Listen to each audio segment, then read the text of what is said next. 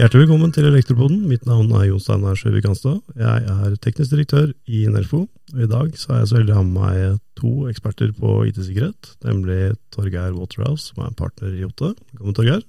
Takk. Og Roar Thon, som er fagdirektør i NSM. Velkommen, Roar. Takk skal du ha.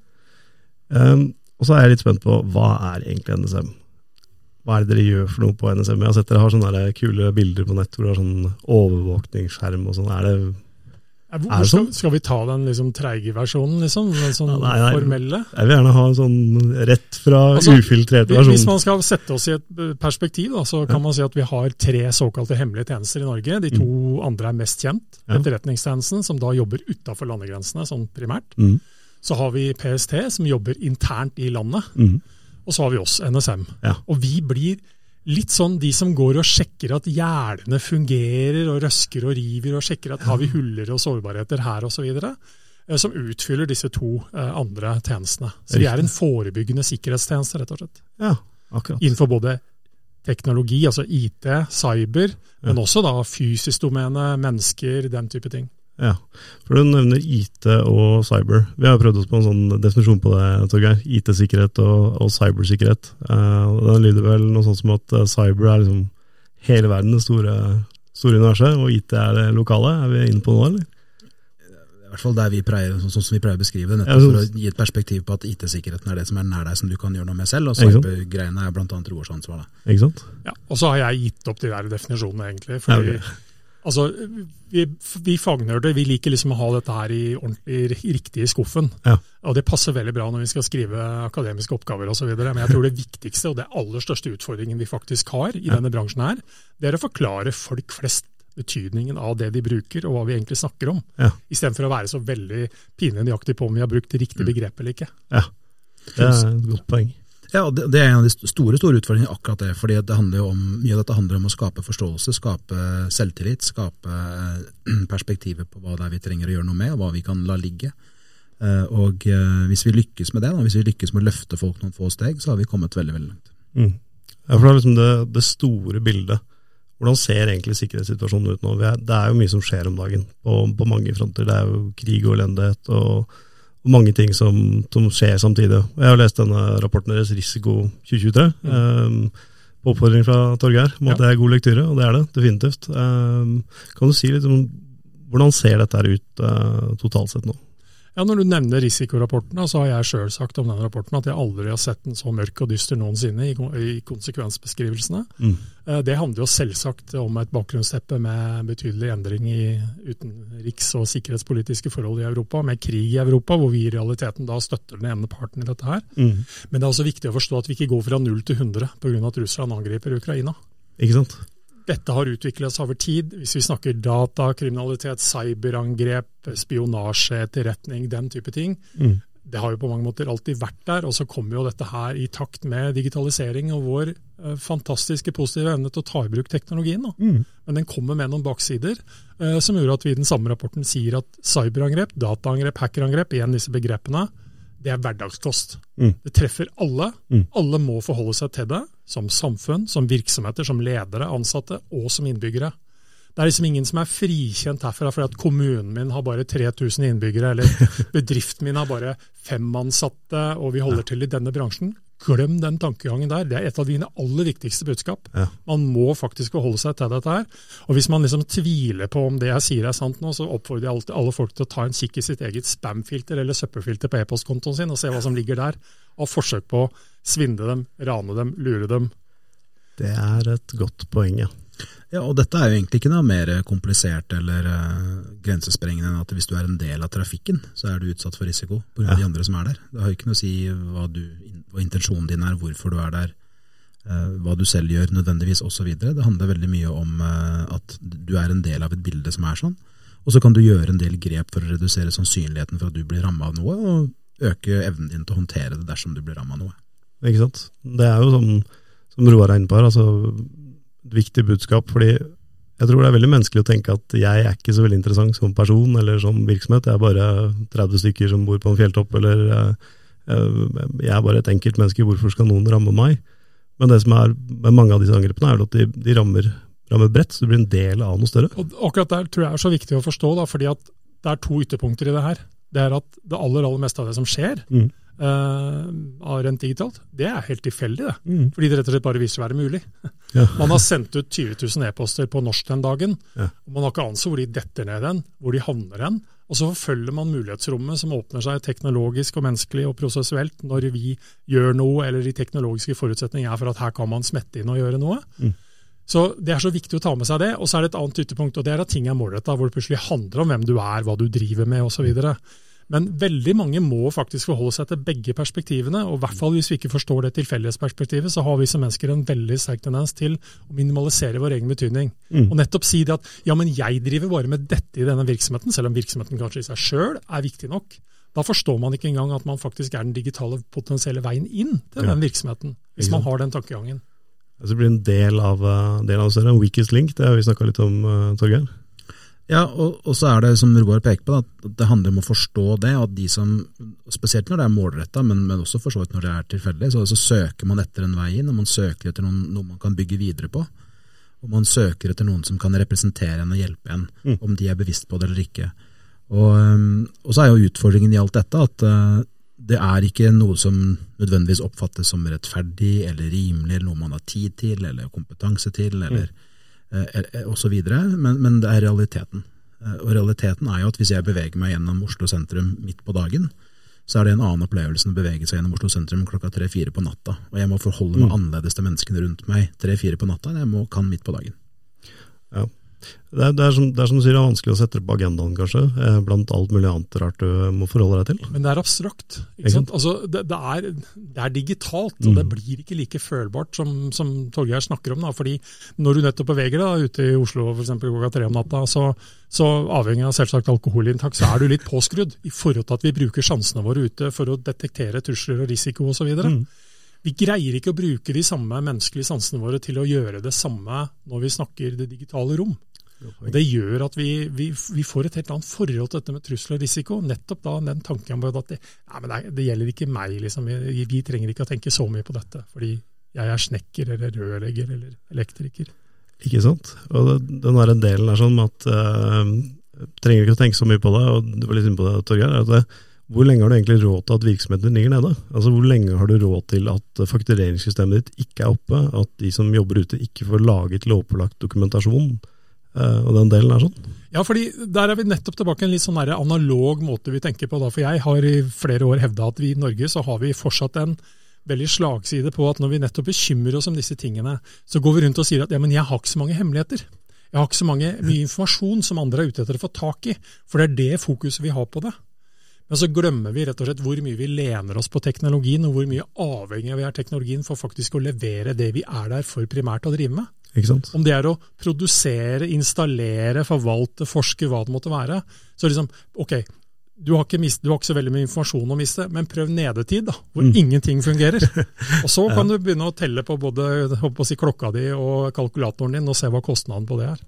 Og Det kan jo handle om eh, både hvilke leverandører du har, og Mm. hvilke rutiner du har for, eh, for beredskap dersom noe er nede. Mm. Og, eh, og det er nettopp det igjen å si at det er ikke nødvendigvis nær deg eller hos deg noe trenger å skje for at du skal bli ramma av det. Det kan skje mange andre steder. Og det, det er enhver som har beveget seg rundt i, i, et butikklandskap når betalingssystemene er nede, opplager dette. Butikkene får ikke tatt betalt, selv om det ikke er deres egne systemer som er nede. Og, og dette handler også veldig mye om å, å forstå situasjonen man er i, for vi blir prega av hvor vi er og hva vi gjør. Mm. Hvis du, hvis du sitter på kontoret og leser en, en avis, for det er det jobben din å gjøre, følger med på noen nyheter, så er det det som er moduset ditt, og da kan det virke veldig fjernt at du kan bli utsatt for noe. Samtidig så er du i en situasjon hvor du kanskje er opptatt av kildekritikk og er påskudd på den måten, men ikke nødvendigvis på, på andre ting. Og, og så har vi en utfordring i Norge, og det, det har vel alle, men den er ganske synlig her, fordi vi har så høy tillit til hverandre, vi har høy tillit til at folk kan gjøre jobben sin og er, jobbe på et høyt faglig nivå. Så hender det, eh, i hvert fall sånn som jeg opplever det, at, eh, at også den graden av fornærmelse da, den kommer fort i det øyeblikket man begynner å snakke om disse tingene, fordi at mange oppfatter det som ja, har du ikke tillit til at jeg kan gjøre jobben min sikkert. Dette er min jobb, jeg kan gjøre det, ikke, jeg trenger ikke bl- blande opp i dette osv. Så, videre. så det er noe med også å treffe dette balansepunktet og etablere en kultur for både å skape forståelse, men også ha rom for å snakke om dette uten at det er ment som kritikk. Det er et godt poeng, for det er jo ikke det vi ønsker å gjøre. Vi ønsker å gjøre alle litt bedre. Bli enda litt bedre i morgen. Ja, altså, jeg har hatt en si, litt høne å plukke med min egen bransje en stund, fordi det fins en del som har vært ute og sagt veldig sterkt og klart at uh, de ansatte er virksomhetens aller største sikkerhetstrussel. altså, det er et veldig godt utgangspunkt for å ha dialog med de ansatte og si at du er en trussel. Og Da, da hevder jeg rekordgodt at man vet ikke engang hva en trussel er når man bruker sånne ord. Vi som mennesker vi har sårbarheter, mm. og de sårbarhetene utnyttes av de som er trusselaktører, de som faktisk forsettlig forsøker å gjøre noe mot oss. Mm. Uh, og i det rommet der så skapes det risiko for at vi faktisk kan brukes da som veien inn. Mm. Og, og det er vi, det må vi erkjenne. og Så kan den enkelte av oss kanskje eller ende opp med å bli en trussel sånn etter hvert, men, men liksom ikke i flertallsformen. Nei. Så det er så viktig, altså, Der blir begrepene, begrepene viktige for meg. altså da, ja. da, da, reagerer jeg på det. Men, men, nettopp det å faktisk da kunne ha et godt nok si, Kall det gjerne arbeidsmiljø, for faktisk å ta opp disse tingene uten at man liksom føler at noen har gjort noe galt. Ja. Fordi den klassiske digitale angrepsformen enda, det er jo å sende folk en e-post. Ja, med vedlegg, lenker osv. Ja. Og så har liksom responsen vår veldig ofte vært at ja, men vi må holde oss unna lenker og vi må være, liksom passe på osv. Men vi må ikke glemme at det er faktisk jobben til folk å åpne de e-postene, vedleggene og lenkene. Vi har basert systemet vårt på at det skal de faktisk gjøre. Ja. I det ligger det en risiko. Uh, og da skal vi være veldig forsiktige med å rette pekefingeren mot å liksom henge ut noen fordi at man faktisk i realiteten bare har gjort jobben sin, men akkurat der den dagen så var teknologiske muligheten for at man faktisk kunne utnytte det videre. Det er veldig viktig det du sier der. Altså, det å råde folk til å ikke trykke på lenker, det er jo en, det er et sinnssykt råd. Det kan man jo ikke gjøre egentlig, men det er, hvordan, godt, det er godt, ment. da. Hvordan får du lest artikler VG, på VG, liksom? Du har ja. klikka på en lenke. Blir, jeg tenker at Overfor dette til HMS-tiltak, det beste HMS-tiltaket du kan gjøre, er at folk blir hjemme og ikke kommer på jobb. Ja, ja. Det er fint å kjøre buss, hadde ikke vært for alle passasjerene. Ja? Ja. Det, er sånn der, eh, det nytter jo ikke å ha den, den, innstillingen. Men det du sier der, syns jeg er veldig viktig. Jeg har lyst til å plukke opp litt, uh, Roar. Det der med å ha en bedriftskultur som tillater folk å gjøre feil. Mm. Det tenker jeg, det syns jeg var fint at du nevnte, for det er også noe vi forfekter i vår bransje. at Gjør du en feil, så, så kom vel fram med det, og så retter vi opp i det lærer av det og går videre. Det tenker jeg er utrolig viktig også på det feltet, at man ikke stikker um, hodet i sanden og er flau rett og slett for at man har gjort en feil. Altså, Jeg kommer jo fra en veldig sånn strikt og streng kultur innenfor eh, min arbeidsgiver. Jeg har vært der ganske mange år. Jeg sitter her med høy sikkerhetsklarering. Det stilles mm. ganske mange krav til meg altså som sådan. Eh, det man jo leiter etter når man gir sånn som meg klarering, er jo at man er voksen nok til nettopp å ta det steget fram og si at vet du hva, nå gjorde jeg en feil. Mm. Uh, kan vi fikse i det? Mm. Kontra det et menneske som i realiteten tar steget tilbake og forsøker å skjule det og håper at det skal gå bra. ikke mm. Men det er, det er et, nærmest et lovmessig krav på at jeg mm. skal oppføre meg på den måten. Klart. Men jeg hevder også da at arbeidsmiljøet må også ligge til rette for at, jeg, at, det er takhøyde for at jeg faktisk kan føle at jeg kan gå og ta det steget fram, mm. og at jeg ikke ender opp som liksom the scapegoat og den som får skylda for at uh, her gikk det galt. For som Vi er mennesker, vi kommer til å gjøre feil på en eller annen måte, og det må prosessen og systemene også legge til rette for, og ikke minst kulturen. Ja, for det er den pisk eller gulrot. Var redd for å miste klareringa hvis man sier ifra osv. Det blir jo helt, uh, helt oppløst. Ja. Så er det viktig å huske på at for de aller fleste så er vi ikke på et nivå man har klarering nei, nei, nei, nei, absolutt ikke. men, men, men, til, men, tillit allikevel da, blir ganske viktig i forhold til sikkerhetsarbeidet. Så vi, hvis vi overfører det til mm. liksom, at du har arbeidsgiverens tillit, mm. så ja. Ja, og, og, Det som er noe av utfordringen for de aller fleste ansatte et sted, og de aller fleste bedrifter og ledere og ansvarlige osv., er jo nettopp at man gjerne jobber med noe, eller sikkerheten man kommer i kontakt med når man gjør jobben sin, er noe man ikke har uh, kontroll på hele kjeden og evner å se hele kjeden på, på, sånn som dere gjør hos dere. Mm. Så hvis du har gjort noe feil, så vet folk, du og folkene rundt hva som skal til for å rydde opp. Ja. Mm. Utfordringen for veldig mange er at hvis de har gjort en feil som har med, med det digitale og sikkerhet å gjøre, så, så en ting er at de kanskje ikke vet om det engang, uh, men hvis de først vet om det, så, så, kan det være utrolig abstrakt og vanskelig å se hvordan man skal begynne å korrigere og nøste i det. Og da er det enklere bare å håpe at det ikke skjer noe. Så det å, så så Vi trenger både den kulturen hvor det er rom for å gjøre feil, rom for å si ifra, og vi, vi, at vi premierer det å si ifra. Samtidig som vi også trenger å passe på at man har et kunnskapsnivå, eller for den del kunnskap hos partnere, som gjør at man kan begynne å nøste i det hvis noe først har skjedd. Ja, for da er vi over på struktur og ordna mm. forhold, rett og slett. Altså mm. at man igjen, som du sier, vet hva man faktisk eh, til en viss grad skal gjøre.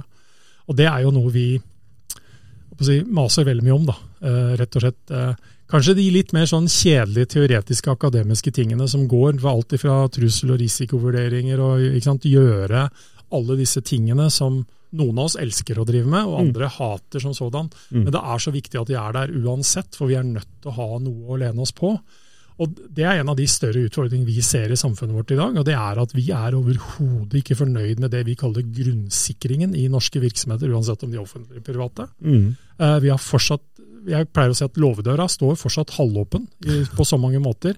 Og så er det interessant da, å være sammen med Torgeir og andre steder på alt fra Arendalsuka og andre steder, hvor man nå i disse dager diskuterer tonnevis om kunstig intelligens og AI, Mm. og i et sikkerhetsmessig perspektiv hvor ufattelig skummelt det kommer, kommer til å være. Mm.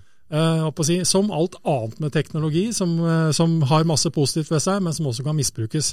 Og jeg gjør et litt sånn fleipete poeng ved at hvis du er bedriftsleder i dag, syns jeg ikke du skal ligge våken om natta for å bekymre deg over sikkerhet og kunstig intelligens, for du skal ligge våken om natta for at du sannsynligvis ikke har de helt grunnleggende basic tiltakene på plass. Og Den situasjonen kommer ikke til å bli noe bedre med kunstig intelligens heller. Men vi er nødt til å fikse en del grunnleggende ting først, før vi nesten egentlig skal begynne å bekymre oss om alt annet. Et veldig godt, eh, veldig godt poeng. Du, sa, du har jo forsvarsbakgrunn. Eh, grundighet i trygghet, det er Ja, jo et eh, motto blant annet hos, hos FSK. og det, det betyr jo egentlig bare at du forbereder deg veldig godt til det som kan komme til å skje, eller den situasjonen du kommer til å stå overfor. Og det du er inne på der, er sånn grunnleggende ting. altså Låvedøra står halvveis oppe. Og Dere har laget disse grunnprinsippene. Kan du si litt eh, om det? Jeg regner med at det har en, eh, en god sammenheng med Ja, dette? her? ja absolutt. Uh, og jeg, jeg gjør nesten et poeng, altså jeg kommer litt tilbake til hva grunnprinsippene er, men jeg gjør nesten et sånt poeng av at når jeg er ute, nesten uansett hvor jeg er og hvem jeg snakker til, om det er politikere, beslutningstagere, ledere eller bare ansatte, Mm. så maser jeg fortsatt om passord. Mm. Implementering av det vi kaller multifaktorautentisering, totrinnsverifikasjon, det vi kjenner fra bank på mobil, Mm. og oppdatering av digitale enheter. Ja. Og så gjør jeg følgende poeng. Jeg skjønner jo hvis folk liksom blir litt leie og sier ja, men herregud, vi har hørt sånn som deg snakke om dette i 20 år nå. Roar Thon, du kommer fra Nasjonal sikkerhetsmyndighet, har du liksom ikke noe annet mer fancy og avansert å komme med enn det? Jo, selvsagt kan jeg da si. Les NSM grunnprinsipper for IKT-sikkerhet, men forstå noe ganske viktig. Mm. Så lenge dere hører sånn som meg mase om passord, tofaktor og manglende oppdatering, Mm. er det fortsatt hovedårsaken til de aller, aller fleste vellykkede datainnbruddene i Norge i dag. Mm. Og det er jo egentlig så trist, for vi greier ikke helt å få til de helt elementære grunnleggende tingene. Mm.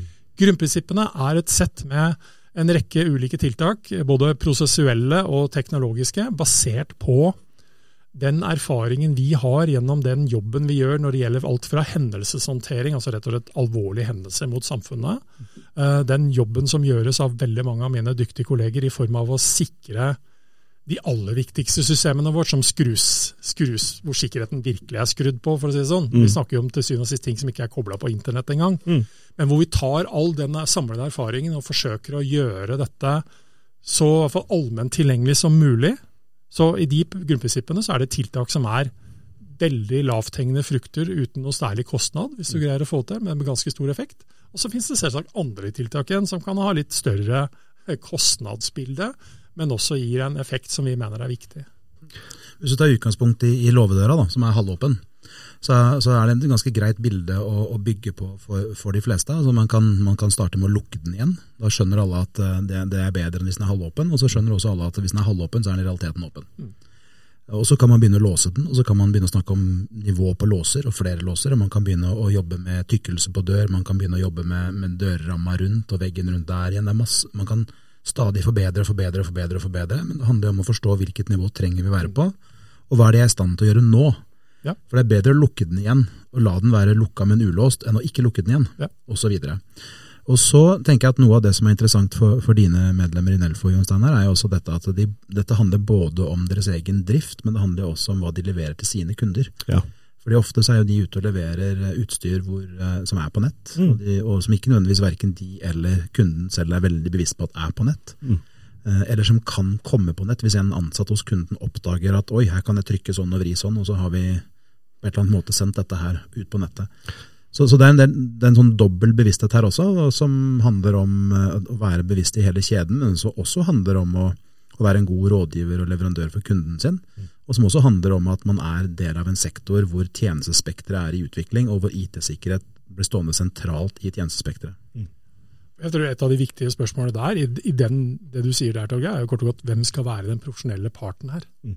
Er det, er liksom, har vi bare levert, og så er det fire and forget, og så har vi en kunde som i realiteten halvveis vet hva de har bestilt, og heller ikke et bevisst forhold til det når vi snakker sikkerhet.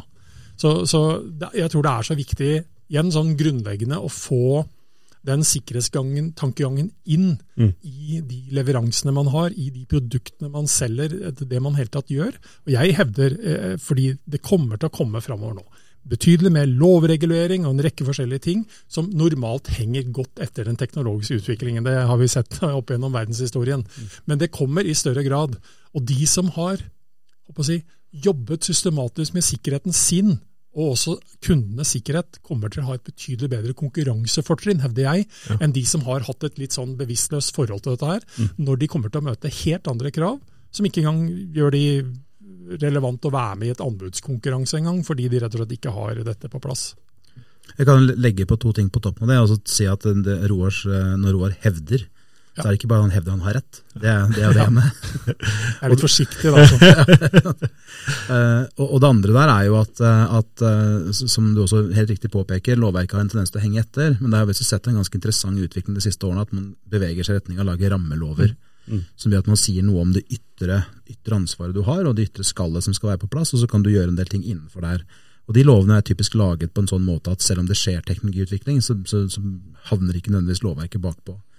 Og, og, til poenget ditt om at eh, de, de, som har tingene på plass, er i en god posisjon. altså Vi har jo snakket i det uendelige om GDPR og personvern og personopplysningsloven og alt dette. Og så er det jo sånn at hvis man faktisk har gjort et skikkelig arbeid i utgangspunktet, og man så følger opp med skikkelig løpende arbeid rundt kravene i GDPR, så vil man være på et veldig godt sted. For det er så mye krav der som gjør at du må gjøre gode både sikkerhetsvurderinger og risikovurderinger, og i tillegg tiltak for å beskytte deg.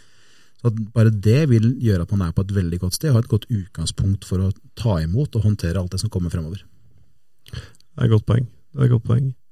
Men, men tenker du da at uh, IT-sikkerhet i større grad bør være et kriterium i, en anbudsprosess? Altså At man bør på en måte legge det, legge det til grunn som en del av uh, på en måte rammen? Ja, det kommer. Altså I enda større grad så kommer det.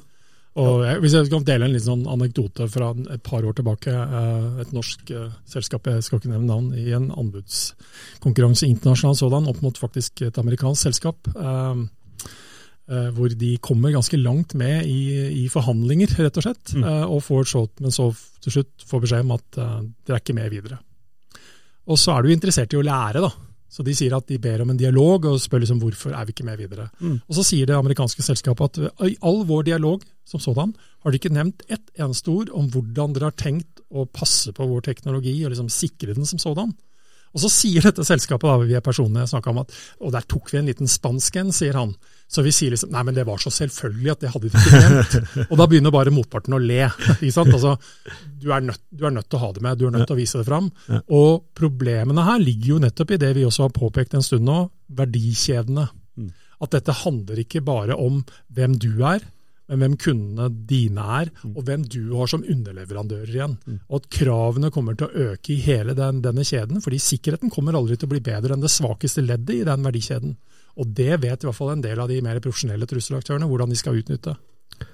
Så er det et poeng, poeng i dette også at en, eh, en ting er hva som kommer i utlysningene, eh, og hvilke krav man kan møte hos underleverandører. og Du kan møte krav for å få lov til å bruke vår teknologi i dine, dine leveranser. Så må du innfri ABC osv. Men i tillegg, så, som du nevnte i stad, dette med hvem skal være den profesjonelle parten, så tenker jeg at, eh, at dine medlemmer i Steinar, de må eh, ta på alvor fortsatt, sånn som de gjør på strømområdet, mm. at også når det gjelder dette, så er de den profesjonelle parten. Og selv om kunden ikke ber om sikkerhetsnivå, selv om det er ting kunden ikke peker på, så må de respondere tilbake med det og, og, og ta det opp selv. Og så må de samtidig da stå i utfordringen at kunden kanskje syns at de kommer med et eller annet de ikke hadde bedt om. Men da må de være gode til både å forklare hvorfor og synliggjøre at dette er helt nødvendig. For i sikkerhetsbransjen, hevder jeg, så har ikke kunden alltid rett. Nei. For de vet realiteten ikke hva de ber om og bør spørre om. Og så er det klart at dette er jo en setting som man også skal passe seg litt for å ikke utnytte i for stor grad. fordi mm. useriøse aktører kan jo også lempe på veldig mye fine tilbud som man i realiteten ikke trenger. Mm. Men, men, men, men, vit i hvert fall at uh, her bør det være en bra dialog. Og så mener jeg sånn sett at de aller fleste bransjer på dette området bør også være voksne nok til å si at vet du hva, dette er vår minste anbefalte løsning. Hvis du mm. absolutt ikke vil ha hvis du vil ha noe lavere enn det, så, så, får du gå til vafler og IT på hjørnet for å si som, som jeg sier, og kjøpe det derfra. For vi vil ikke stille oss bak denne løsningen. Fordi det, det, det handler jo til syvende og sist om omdømme og ting som skjer etterpå, som, som kommer til å treffe deg, selv om du kanskje ikke var det er ikke du som har skylda for at noe skjedde, for å si det sånn, men du kommer til å bli dratt med litt inn i det dragsuget likevel, fordi det var du som solgte produktet, det var du som solgte løsningen, og så står vi nå her. Ja, dette er egentlig utgangspunktet for hele IT-sikkerhetsarbeidet som vi satte i gang for tre år siden. Akkurat det er sånn. For Jeg var på et foredrag med Torgeir, og da skjønte jeg at oh shit, her er vi nødt til å tenke oss litt mer om. Vi leverer jo mange av disse tjenestene. Selv om vi ikke leverer nødvendigvis rene IT-tjenester, så kobles jo alt på nett. Så vi, vi får jo måte, absolutt alt skal på nett, fra en vaskemaskin, stikkontakter, dimmere. Alt som bruker strøm, skal også ha nett. Det er liksom grunnleggende. Så det, ja, og så står med, så står vi der med hvis vi går sånn folk flest, da, som jeg sier, vi, vi, er fortsatt, hvis du følger litt med på nyhetsbildet, vi som befolkning vi er fortsatt litt sånn overraska over, sjokkert over at ting viser seg å være teknologisk mulig. Ja. Til tross for at i realiteten var den samme kommandoen vi utførte dagen i forveien med et positivt fortegn, mm. men bare at i dag så har den da blitt utført av noen bad guys, hvor konsekvensene var litt negative. Mm. Men det er akkurat den samme kommandoen. Ja. Men det forstår vi ikke helt. Det er fortsatt sånn magisk for oss og overraskende at det kan misbrukes. Det er sant. Og så den fysiske komponenten også. oppi dette har Vi snakka mye om IT-sikkerhet, ikke sant? at uh, man hacker seg inn eller lager denial of uh, service og alle disse tingene. her sånn. Men den fysiske delen av det, altså det å faktisk lukke inn et patcheskap når man går derfra, Eh, ha kontroll på eget utstyr osv. Hva, hva tenker du om det, Roar? Den fysiske sikkerheten? Nei, altså, Du kan ha verdens sikreste serverrom, for å si det sånn, og det, det, vil ikke holde hvis du faktisk ikke følger opp med fysisk sikring av den også. Mm. Så hvis hvem som helst mer eller mindre kan spasere inn der, mm. uh, så er det et problem. Og så er, det, så, er det, så er akkurat den delen av det litt vanskeligere å snakke om, er min opplevelse. fordi da beveger vi oss litt mer vekk fra tilfeldighetsperspektivet og mer inn i det målretta perspektivet. Ja. Men jeg har brukt en nylig sak nå. Det sitter jo da fengsla i Norge i dag en ung student som er pågrepet av PST. Mm. Eh, for å drive såkalt eh, altså rett og slett etterretning med teknologi. Og ja, det er fortsatt teknologi, så kan vi diskutere om det handler om cybersikkerhet eller ikke. Men forstå at aktørene der ute, hvis vi virkelig snakker om de rette, mm. de spiller på cyber, de spiller på annen teknologi, de spiller på mennesker, og de spiller på fysisk tilgang. Mm. Altså, det det enkleste av alt, hvis man er ute etter å få tak i informasjon, er jo rett og slett å kjøpe det av noen som allerede har den, ja. istedenfor å forsøke å bryte seg inn og få tak i den. Mm. Så når vi snakker om sikkerhet i det hele, så er vi nødt til å se helhetlig på det. Både fysisk, digitalt, prosesser, mennesker. Ja, totaliteten av dette. Og Så er det en dimensjon da, ved nettopp dette patcheskapet eller serverrommet eller hva det måtte være, eh, som, som, vi heller ikke må glemme. fordi vi har en tendens til, til å snakke om de bevisste trusselaktørene, om sikkerhetssvakhetene som kan utnyttes tilfeldig osv. Og så er det samtidig sånn at Hvis patcheskapet står i gangen, og enhver en som går forbi bare kan nappe ut en ledning, ja. så har du også risiko for at noen gjør det. Mm. Og Selv om det ikke er et angrep eller noe som eh, noen som nødvendigvis vil akkurat deg vondt, eller som er så vanskelig å korrigere for, så, så plutselig så har du nedtid uten å skjønne hvorfor. og Det kan ta lang tid for noen å tenke på å gå ned i kjellergangen og se om noen har nappa ut en ledning der. Mm. Jeg trenger stikkontakt, da. Jeg, så jeg tar ut denne, så jeg får lada mobilen min. Ja, ikke sant? Og som, er en forståelig menneskelig handling å gjøre, og så, og så, er det et eller annet som er off. Så det å liksom, tenke gjennom at, eh, at, det er ikke tilfeldig at vi bruker begrepet hendelser. Nei. Så Det handler både om angrep, det handler om eh, hærverk, det handler om uh, trolling for den del. altså ha det mm. gøy på noens bekostning. Det handler om ubevissthet. Det, handler, det er veldig mye forskjellig som kan lede til at du får et problem. Ikke sant. Vi har laget dette kartleggingsverktøyet Torgeir, som du har hjulpet oss med å, med å, utvikle. Eh, hva tenker du om det, Roar? Det å kartlegge på en måte, de ulike delene av virksomheten, er det noe du si, Jeg tenker, altså, det er så, det er så, Om man ikke tenker sånn, så er det så elementært, mener jeg. fordi hvis du ikke engang vet hva du har, ja. Hvordan skal du vite hva du skal sikre, og på hvilken måte? altså rett og slett, Det blir, det blir, jo, et, det blir jo et avansert kart, for å si det sånn. at hvis du altså Hvis du sier at vi, vi, for, vi vil forbedre sikkerheten vår, vi. Mm. Jaha, men hvor starter du, da? Ja. Og når vet du eventuelt at du er framme? Ja. sånn halvveis i mål, selv om sikkerhet er en pågående prosess. som sånn, Du blir aldri helt ferdig med det. Men, mm. men det å starte med å helt tatt vite hva du har her av verdier og teknologi osv., er, ja, det er, det er så grunnleggende og elementært igjen at uh, det trenger man. Ja, men Bra. Da får vi fortsette med det, Torgeir. Det skal vi fortsette å mase om. Og så er Noe av utfordringen i det det er å klare å omstille seg fra å være helt der oppe på det mest avanserte og være fascinert av det som er mulig å få til, ha fokus på en kunde og neste salg, ha fokus på at du nå holder på å rekruttere en fantastisk god kandidat osv. Og, så og samtidig gå helt ned der på det grunnleggende og si forresten, hvem er jeg? Hva er det jeg har her? Mm. Hva, er det, hva, er det, vi driver med? Og, og, og det, er jo, det er jo litt av samme problemstilling som vi ser rundt oss overalt i samfunnet. Det er veldig enkelt å få noen til å komme og feire at vi har åpnet et nytt bygg, og det er veldig vanskelig å få noen til å komme og feire at vi har malt kjellergulvet. Mm.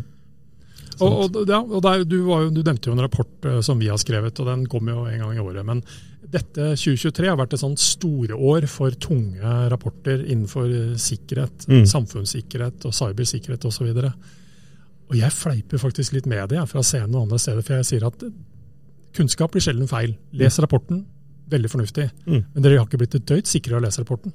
Nei. Og dere har heller ikke blitt et døyt sikre av å høre på oss to, eller oss tre prate på denne podkasten heller. Mm, mm. Det gjør du først når du går inn og gjør et eller annet i virksomheten din, noe reelt. Ja. Går inn og endrer på en endring digitalt, eller, eller rett og slett sørger for at de ansatte får litt mer opp, opp, opplæring og den type ting. Så det handler om, det handler om til syvende og sist atferden vår, hva vi ender opp med å gjøre. Det er det som har effekten, ikke å lese rapporter eller skrive dem også. Selv om vi trenger det. Ja, og Det er en av utfordringene også med, med krav som f.eks. databehandleravtaler og taushetserklæringer og hva det måtte være. Mm. Da har vi det juridiske og avtalemessig på plass, potensielt. Men vi har ikke handlingen på plass automatisk, og det må gjøres. Og det, og det må gjøres fortløpende, og det er en kontinuerlig påminnelse. Vi var i starten av samtalen inne på dette med kultur, og dette handler jo kan bringe det tilbake til det, for det, dette er jo helt avgjørende. Det handler helt enkelt om den kulturen. Og det handler om sånne enkle grep som at når folk skal ut og kjøre bil, så skal de ta på seg bilbelte hver gang. Ja. For selv om det er en kort tur, eller du er midt på natta du er aleine på veien, så tror du, så er du ikke nødvendigvis det likevel. Og det kan skje noe da, på samme måte som det kan skje noe når, når det er et øyeblikk som fremstår som mest risikofylt for deg. Jeg pleier å si at Juristene glemmer noen ganger at hackerne gir litt blaffen i hvor god dataavtale de har framforhandla. Altså. De har tenkt å gjøre sitt uansett. Men bare, men bare noen ganger. Ja. De, de, ja, det er, det er, kanskje ikke det, det, som står på det papiret det er mest interessert i. Det, det, er klart. Nei, men også, og Roar nevnte jo dette med kunstig intelligens i sted. Og, og, det, diskuteres veldig veldig mye nå om man skal ha en merkeordning, altså krav om å merke alt som er gjort med kunstig intelligens, skal være merka osv. Mm. Og det kan for så vidt ha en verdi, det, der, der, det har betydning om det er laget av menneske eller kunstig intelligens. Men, men, det er akkurat som Roar sa med hacking. De som ikke har tenkt å følge det regelverket fordi de har lyst til å bruke, altså misbruke regelverket eller misbruke teknologien for å lure noen, mm. de gjør jo det uansett. De starter ikke med å si 'hei, forresten, nå drev jeg lurer deg'. Mm. De, de, gjør det de skal, og bruker teknologien som, på den måten som passer deres intensjon best. Og hvis vi, hvis vi ender opp med å bare stole på merkeordninger og osv., så, videre, så kommer vi ikke til å lykkes. Godt poeng. Eh, kan bedrifter kontakte dere, Roar? Altså NSM? Ikke deg direkte, men eh, Nei, det ender faktisk fort opp med det noen ganger òg. Men ja, det kan de. Eh, vi har noe som heter Nasjonalt cybersikkerhetssenter, som er en 24-7-senter. Så skal jeg da også sies for sin skyld at de håndterer ikke alle tenkelige ting, for å si det sånn. Og veldig mange virksomheter både bør og har sine IT-driftsleverandører og andre ting som sådan, men, men, skulle det være noe, så er det, er det, mulig å få kontakt med oss, for å si det sånn. Men jeg kan med en gang si at det er sjeldnere aldri at det kommer mange folk eh, fra oss i mørke biler ut for å hjelpe til. Altså. Og, og, det er et så viktig, det, det, er noe som fascinerer meg. Fordi rundt dette med teknologi så, så framstår det noen ganger som at man har en forventning om at både myndigheter og andre skal stille opp med masse ressurser og krefter for å, for å hjelpe oss som situasjonen som har som oppstått. Mm. Og Sånn har ikke samfunnet fungert før. Jeg pleier å si, jeg har bakgrunn fra politiet også, og sier at du kunne ikke ringe før i tida og si at fabrikken vår brenner ned, så nå må dere komme og hjelpe til å bygge den opp igjen. Mm. Politiet har sin oppgave med å etterforske det og undersøke det, men altså, det å bestille nytt utstyr og få driften inn i gang igjen, det er bedriften sitt ansvar. Mm. Uh, eventuelt med de underleverandørene man har til å hjelpe seg med det, og man har forsikringsordning som kanskje hjelper seg litt økonomisk. Mm. Det er akkurat det samme digitalt òg. har du dette nettverket som sådan du drifter, så er det du som er ansvarlig for å både sikre det og drifte det som sådan. Og så snakket vi litt i sted om det å være, ha beredskap og være klar til å håndtere når noe har skjedd. og det er En av de viktige tingene er at du vet hvem skal jeg starte med å kontakte hvis mm. det er noe. Og det er veldig sjelden du skal starte med NSM. Ja. Jeg vil tippe at for de aller fleste så er det noen, noen av de de får hjelp av, som, som ser at Som sender det videre. Som, ja. Ja. Ok, ja, men det, det er interessant. Men det, det er det jeg ser sånn, sånn helt, helt, på tampen, er jo det at hvis man gjør litt, så kommer man et langt steg videre. I hvert fall hvis låvedøra står uh, halvveis åpent. Og da er det dette med passord, passordhåndtering. Ikke bruke samme passordbrukernavn på, på alt mulig. ta i bruk eh, multifaktor, tofaktor, minimum, og det å kjøre oppdateringer. Er det en grei oppsummering? Ja, eller? absolutt. Og så kunne jeg lagt på et par ting ting til som gjør at vi, når man sier at ok, har du gjort disse tingene i tillegg, så er vi ganske sikre på at dette stopper mellom 80 og 90% av alle kjente metoder å faktisk tukle med deg på. Ja. Så det er så mye å hente på å gjøre disse grunnleggende tingene. Og da først kan du begynne å ligge våken om natta og være bekymra for disse litt mer Hollywood-avanserte tingene som, eh, som veldig ofte opptar oss fagfolk. Da. Og så da I tillegg til det har den bevisstheten på hva er det som skjer her, hva er det som foregår, hva er det vi bruker teknologien til, hva, hva er det jeg selger. Mm. Altså du, Hvis du selger en, en eller annen ding som du har noen som monterer på vegne av deg, som går og skrur fast på en vegg, så skal du vite om den har et trådløst nettverkskort eller ikke. Mm. Og du skal vite om det er aktivert eller ikke, og du skal informere kunden så kunden vet at her er det noe jeg må følge med på. Ja, du er nødt til å sette deg inn i det du leverer, med andre ord. Helt riktig. Kundeproduktene dine. Veldig bra. Med det så sier jeg tusen takk eh, til dere begge to. Tusen takk, Torgeir. Tusen takk, Roar. Takk for i dag.